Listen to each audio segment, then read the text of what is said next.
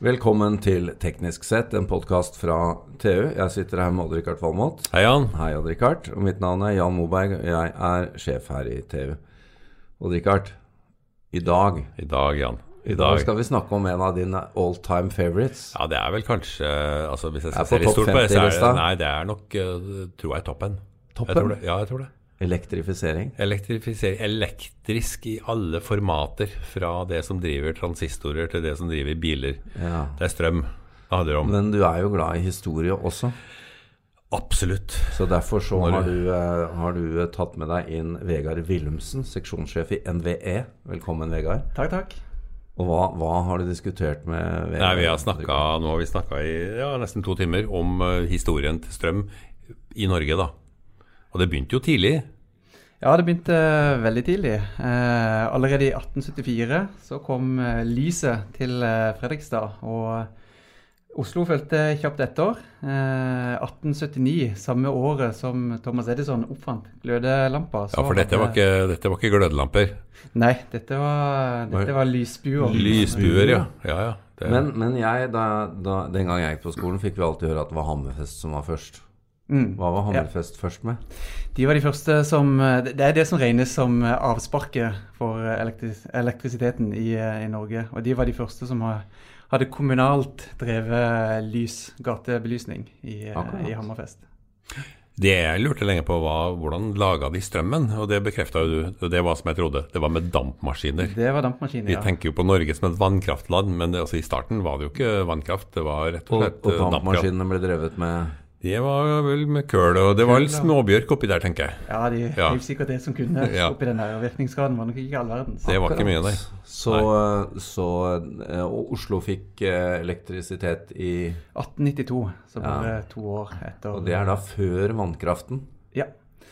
Da, Så i da må det Ja, det var kanskje ikke store eh, kraftverk, da. Men hvis det var dampmaskindrevet, så ville det vært en del ja, det gikk stort sett til og eh, sus. belysning Ja. og eh, Offentlig sporveien.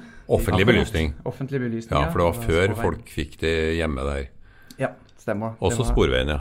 Men uh, når kom uh, vannkraften til Norge da? Vi har jo, vi har jo sagt uh, sånn 100 år grovt sett når vi har holdt på, Richard, men jeg har alltid tenkt at det var Det var, noe, det var noe litt før, og det Ja. fortalte du. Ja, det, Hammeren kraftverk er jo, var det første som kom her i Oslo-området. Og det var på 19 1900-tallet, altså 1900. eh, Overfor Maridalsvannet, Oslos hoveddrikkevannskilde. altså, hoveddrikkevannskilde. nord i Oslo, for de som ikke er kjent. Ja. Ja.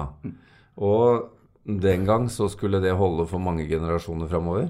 Ja, det Ja. skulle, Dette var jo et uh, kraftverk som skulle holde i uoverskuelig uoverskuelig framtid. Så skulle denne her eh, er produsere kraften som Oslo trengte. Og Det, det var på var, det var på 5 megawatt, dette kraftverket. Og i dag så holder ikke produksjonen fra dette kraftverket for én dag en gang. Den årsproduksjonen som Hammeren kraftverk har. Men det fantastiske er at det står og rakler og går der ennå, altså. Det Etter, går etter 117 år Ja. så fortsetter det å gi 5 megawatt. ja. Men, Det er imponerende. eh, Det er ikke mange produksjonsprosesser som holder så lenge. Nei, men det er jo et kjennetegn for norsk vannkraft, da. At øh, eh, de som ble bygget ut både før krigen og og på si under og etter krigen, altså det står jo og durer og går ennå. Det er lang levetid på disse installasjonene. Ja, det er enormt lang levetid. Et av de store kraftverkene, eh, Nore kraftverk, ble bygd i 1928. og De bygde lange linjer fra Nore, eh, som ligger i Numedalen, inn til Oslo. Eh, 132 kV-linjer inn til Oslo. Og både kraftverket og linjene de står der enda. Fra i, 28? eh, 1928, ja. Vi nærmer oss 90 år, Odd hørt. Ja, det er fantastisk. Den type leveringsevne kommer ikke vi til å ha når vi er 90. Det, det, dette var ikke, ikke den spenninga heller. Men dette, dette, er jo, eh, dette er jo fantastisk å tenke på hvor viktig da kan du si eh, investeringskostnaden har vært, men hvor eh, rimelig det har vært å drifte. da. Mm, ja. Dette her har vært god, god betaling. Eh, disse her har betalt seg ned for lenge siden. Så dette her er full gevinst. Man høsta jo selvfølgelig de, de lavthengende fruktene først. Ja, altså Og det har vi si å, å finne ja. de rette vassdragene. Ja. Ja. Og når du kommer opp på 70-tallet og 80-tallet, så ble det bygd ut noen ordentlige giganter, altså. Det ble litt protester og sånn, da, husker jeg. Jo da, det ble det også, men vi har jo altså, vi har jo Blåsjø er vel noe- et ufattelig gigantisk magasin som ble bygd ut eh, ganske mm, tidlig, og som står og forsyner oss nå. Ja, jeg vil jo si, eh, Med tanke på at Norge var langt ifra det rikeste landet på begynnelsen av 1900-tallet, så var vi veldig tidlig ute med å utnytte elektrisiteten. Eh, Mm. Og vi fikk jo vi fikk jo eh, Vemork eh, opp med Rjukan og, Ja. og Notodden, eh, hvor, det, hvor det var den her eh, salpeterproduksjonen til, til kunstgjødsel. Og dette var jo på tidlig, eh, tidlig 1900-tallet. at dette ble bygd. Men industrien var tidlig ute og brukte strøm. Ja. Eh, Og så kom jo vanlige forbrukere etter hvert også. De Mm. ville ha lys primært. Ja, altså kan, kan vi si det sånn at det begynte med gatelys, sporvei, og så kom det industri og fabrikker, og så kom privathjem? Ja, så kom, eh, begynte jo folk å bruke dette til å varme opp mat. Ja. eh, og, Lys først. lys, Men da snakker vi var vi vel rundt på 20-tallet? Da snakker vi rundt i 20-tallet. Ja. Og det var jo rundt da f.eks. også radioen kom. Ja. fylt, eh, fullt inntog. Så det også var jo en stor betydning for folk eh, flest. ja. Men eh, på 20-tallet så var det egne kampanjer for å få folk til å begynne å bruke elektrisiteten til, til oppvarming og matlaging også. Men altså med, med smått og stort så regner jeg med at det må være et tusentalls uh, vannkraftverk i Norge. Mm. Eh, men eh, du nevnte jo her eh, før sending at hvis du tar de som er kan levere mer enn 50 megawatt, Mm. så er vi nede på Så er vi på færre enn 100 ja, færre enn 100. Og det er de som virkelig leverer inn til, til nettet vårt, regner jeg med. Ja, de store, gode maskinene. Ja. Eh, spur, tenker litt på hvordan vi skal sette størrelse på dette her. Fordi eh, eh, det å snakke om gigawatt og sånn er jo kanskje ikke så lett å knytte beregning til. Men hvis, hvis det er slik at vi i Norge, hvis du putter all kraft på samtidig, så har du en topp mulig leveranse på Rundt 32 gigawatt. gigawatt, ja. Og det er det samme som svenskene har, cirka. Ja, sånn cirka samme Enda de er den doble befolkningen. Eh, Ja, Og så har de kjernekraft i tillegg, da. de har eh, kjernekraft i tillegg. Så Men grunnen til at Norge har så mye, det er jo topografien vår, naturligvis. Vi har jo veldig eh, Vi er jo gudgitt med, Ja. med veldig godt potensial for eh, Altså den her, all den fuktigheten som kommer inn, som Bergen får Vestra, veldig mye ja, av, ikke sant? den, den blir jo flytta opp 1500 meter, og så faller den ut som vann i de høye Strålende. områdene. Og der er det lett å ta vare på den, magasinere den opp, og så lede den ned. Og det enorme trykket du får når, du faller, når vann faller 1000 meter, det er jo et Altså Altså Så heldige som vi i Norge har vært, så vil det ikke forundre meg om vi fant ut at tyngdekraften var enda litt sterkere i Norge enn andre land. ja. Vi Ja, altså, vi, er, vi er virkelig blest med, med for, og, så, for, jo- og så er det fornybar energi. Og det tror jeg har gått mange nordmenn forbi, at vannkraften er altså ordentlig fornybar. Ja. Vi ser jo også at eh, i våre modeller, med de klimaendringene vi får, så blir det bare mer vannkraftproduksjon. Ja. Ja, altså i de samme magasinene Ja. så blir det Så nå, nå trenger man ikke spare så mye, da, for man kan stole på at det kommer nedbør oftere, kanskje? Eller Ja, vi eh, Mer på- Det er ikke sikkert vi trenger å spare like mye inntil vinteren Nei. sånn som vi gjør eh, nå. Eh, det, det, den vil jo også være kortere. Mm. Eh, og så vil den treffe litt bedre. Så vi, vi ser også at f.eks. at den vårflommen hvor vi mister en del kraft, Mm. den det blir litt mindre av i framtida. Så eh, det er også en Det, der kommer vel kanskje utenlandskablene inn, og kun, så du kan ta av mer kraft i, perioder. Ja, vi vil jo også ha økt utveksling med andre land, så Mm. vi blir mer Ja. sammenknytta med de. Mm. Det er jo sånn at eh, en, en av følgene av at vi har hatt eh, disse mulighetene, har jo ført til at vi har bygget ut av kraftkrevende industri. Mm. Både gjødsel og smelteverk og den type ting. Det var vi jo tidlig ute med. Ja, det var vi allerede på eh, 19, sånn rundt 1910, 1913, rundt der i går begynte vi å, å bruke den til det. Og der vi, var vi jo veldig tidlig ute med å bruke elektrisiteten til noe fornuftig. For dette har vi jo snakket om, og det er jo litt søkt å bringe boksitten fra Sør-Amerika og opp til Norge, og så tilbake igjen til verdensmarkedet. Men- Det er vel be, beste måten vi kan utnytte vannkraften på, tror jeg. Ja, Ja. Fremfor å koke den frem med, med kullkraft i, i Brasil, f.eks. Men det er jo eh, Vi kommer jo til å møte nå andre nasjoner som også kommer til å få rimelig fornybar. Ja da, da på sol altså, og vind. mange kommer etter nå pga. sol og vindbølgen. Men vi er jo også nå kanskje verdens mest elektrifiserte forbruker også, tror jeg. Det er ikke så Ja. mange land som bruker strøm Nei. eh, sånn som nordmenn gjør. Så kan vi godt kalle det hodeløst at vi fyrer svære, gamle hus med ineffektive panelovner. Ja. Ja. Ja. Men det er jo for at strømmen er billig, da. Ja, Men bare det, for det, å- har vært, det har gitt mening før i tida. Dette var jo en lett Tross alt en lett tilgjengelig energikilde. Ja. Og det var eh, På 70- og 80-tallet så ga det mening å, eh, å fyre opp, og det kan enda gjøre det. Det kan enda være fornuftig. Ja, det er jo mye sånn. mer styrbart enn noen annen uh, energiform. ikke sant? Så hvis du virkelig skal ha et smart hus, så skal du ha et hus som baserer seg på strøm. Men i, selvfølgelig via varmepumper og sånt i dag, da. Mm. Men altså, vi har en totalkapasitet, eh, leveranse på 32 gigawatt. Eh, hvor høyt har vi beveget oss på forbrukssiden?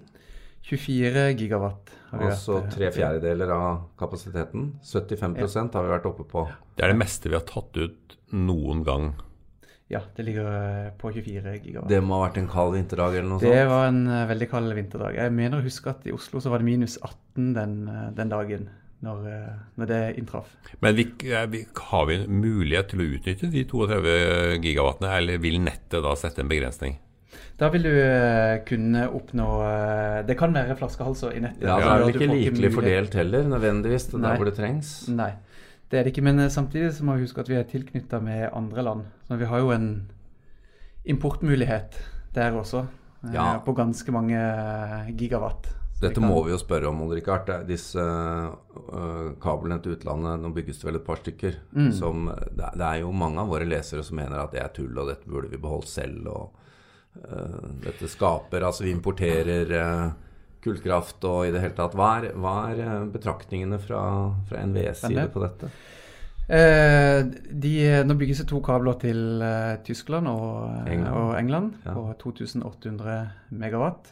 Eh, og eh, vi regner jo på dette her eh, som, eh, som gode byråkrater. Så regner vi på ja. Ja.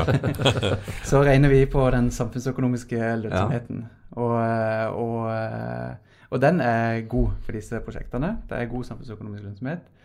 Eh, vi ser at kraftprisen vil gå opp med disse kablene, og at det vil være en del eksport. Eh, det, det betyr jo at det er produsentene som eh, tjener en del på dette her, og så blir det litt høyere pris for Ja, konsumentene. men det vil jo gå opp fra et internasjonalt sett lavt nivå, da. Ja, det, den vil gå opp fra et uh, lavt nivå. Og så er det jo sånn at uh, produksjonen er jo uh, 90% offentlig eid. Så- Ja. Og så må vi jo se på at eh, det vi eksporterer fra Norge, er jo fornybar kraft. Mm, Som vil gå til erstatning av eh, kull og gass og hva det måtte være. mm, Så vi gjør jo en, vi gjør en god gjerning rent sånn klimamessig også. mm. Pluss at skal vi bygge ut mye fornybar kraft i Norge, så må vi ha et sted å gjøre den. Norske hus blir jo, blir jo mindre og mindre energikrevende. Ja, nå er det vel kanskje ikke sånn at Tech. det blir helt uh, hermetisk tette lenger. Nei da, men øh, altså Tech 20 er vel sånn at det går omtrent i null. Ja. Ja. Da er kravet at det skal være nær null hus. Ja, men nå er det mye selvfølgelig gammel be bebyggelse. Ja. Så bygninger er jo fremdeles en stor uh, Mm. strømkrevende post i Norge. Og så skal vi ha inn elbilene. Ja, dette er jeg interessert i å høre om. Dette Ja. har dere snakket om. Jeg vil jo regne med at øh, elbilene er en, både en bra sparebøsse Ja, for jeg tror nok det er mange, mange som går og lurer på hvor kommer vi til å bruke opp uh, vannkraften på å drive transporten i Norge nå. Men det er jo sånn nå i mange sameier og sånn at nå har de satt stopp, nå må vi tenke om Nå kan du ikke lenger bare forlange å få en, en extension til å lade din elbil, for at nå er, nå er nettet blir jo Men det er nettet. Ja, jeg det er ikke genereringskapasiteten. Fortell historien her. altså Hva er det vi snakker om? Fordi det må jo være masse flaskehalser, da. Ja, det er, du har absolutt et poeng. Eh, Det vi, det vi snakker om, var at vi har sett på en liten studie hvor vi, eh, vi så for oss i 2030 at vi har eh, 1,5 millioner elbiler i Norge. Dette er Nasjonal transportplan sitt disruptive scenario. Det er hvis alt klaffer og man virkelig, elbilen virkelig tar over. Ja, da er det ganske Ja, det er aggressivt. Da har man tatt i. Ja. Da har man tatt i, absolutt. En av de Eh. dine igjen. Ja, ikke i løpet av 2030, håper håpeligvis et par. Men da, da ligger vi på et uh, energibehov på rundt eh, 4 TWh.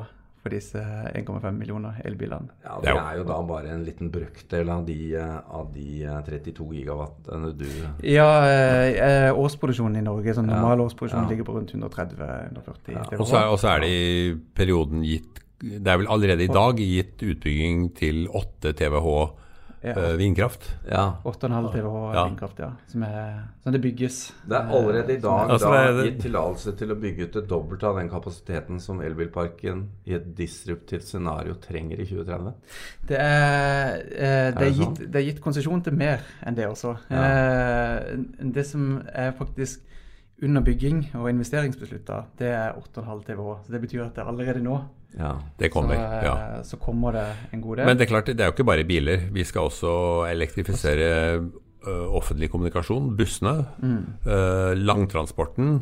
Uh, I perioden vil også flyene, i hvert fall mindre ruter, vil bli elektrifisert. Og stadig mer av kysttransporten skal elektrifiseres. Ja, ja du, du, er på det der, Odd Rikard. Ja. Fremtiden er helelektrisk. Den er det. Ja. Den er det. Det tror jeg flere og flere begynner å bli klar over. Men du hadde et poeng på dette med, med nettet. Og, ja. og, og, en må jo også bygge ut nettet. Så én ting er produksjonskapasiteten, det er nettkapasiteten. Og det må også følge etter. Ja, og da må jeg stille deg spørsmål. fordi at Odd Rikard han har jo gjentagende ganger gjennom det siste året eller to sagt at i Finnmark så burde man bygge landbaserte vindturbiner. For der er både vind og topografi Perfect. Perfect for å få utnyttelse. Har han rett? Ja, vindkraftverkene i nord eh, produserer eh, De kan vise til produksjonsstatistikk som ingen andre land kan, eh, kan vise til. Eh, så, så der trenger er, du i praksis færre vindturbiner for å oppnå samme resultat? Ja, det er veldig gode vindforhold oppe i nord. får du støtte det, for ja.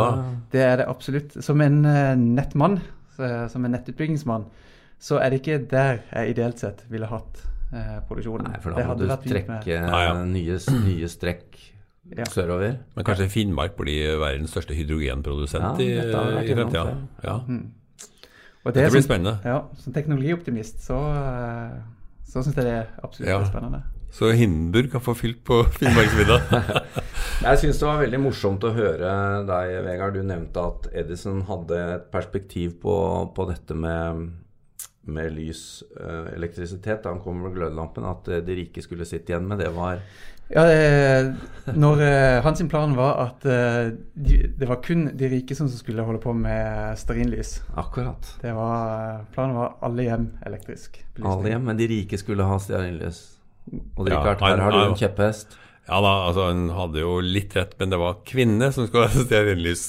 Ja, men, men stearinlysene Stearinlysene, ja, altså det er noe Miljømessig så er det jo noe svineri. Det er mulig at det er kos, men uh, de slipper ut fryktelig mye partikler og annen gørr. Altså så luftkvalitetsmessig så bør de ut og erstattes av sånne flimrende LED-lookalikes. Så en romantisk kveld med Richard, det er sånn LED Det er LED-aften. Men det skjer ikke hjemme hos oss, dessverre. Vegard Wilhelmsen, tusen takk. Vi vil høre mer fra deg når elektrifiseringen har kommet enda et steg videre. Takk. Takk.